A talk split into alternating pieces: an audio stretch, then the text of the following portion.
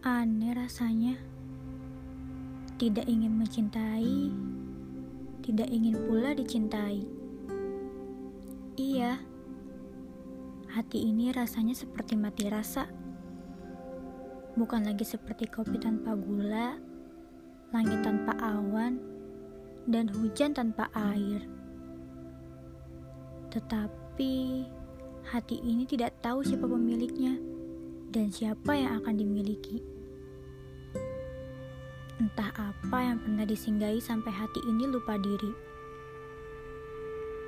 Lupa untuk diisi dan juga lupa untuk mengisi. Susah untuk kembali menata hati.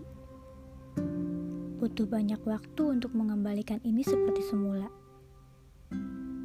Karena membahagiakan hati tidak semudah mematahkannya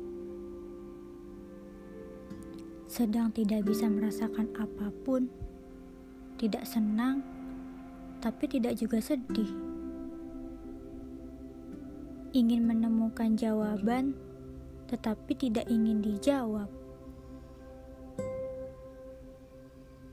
Tidak ingin tertutup, tapi tidak juga ingin membuka. Hati ini menjadi misterius ini hal yang paling kutakuti. Semakin kehilangan arah dan lupa caranya untuk kembali seperti semula.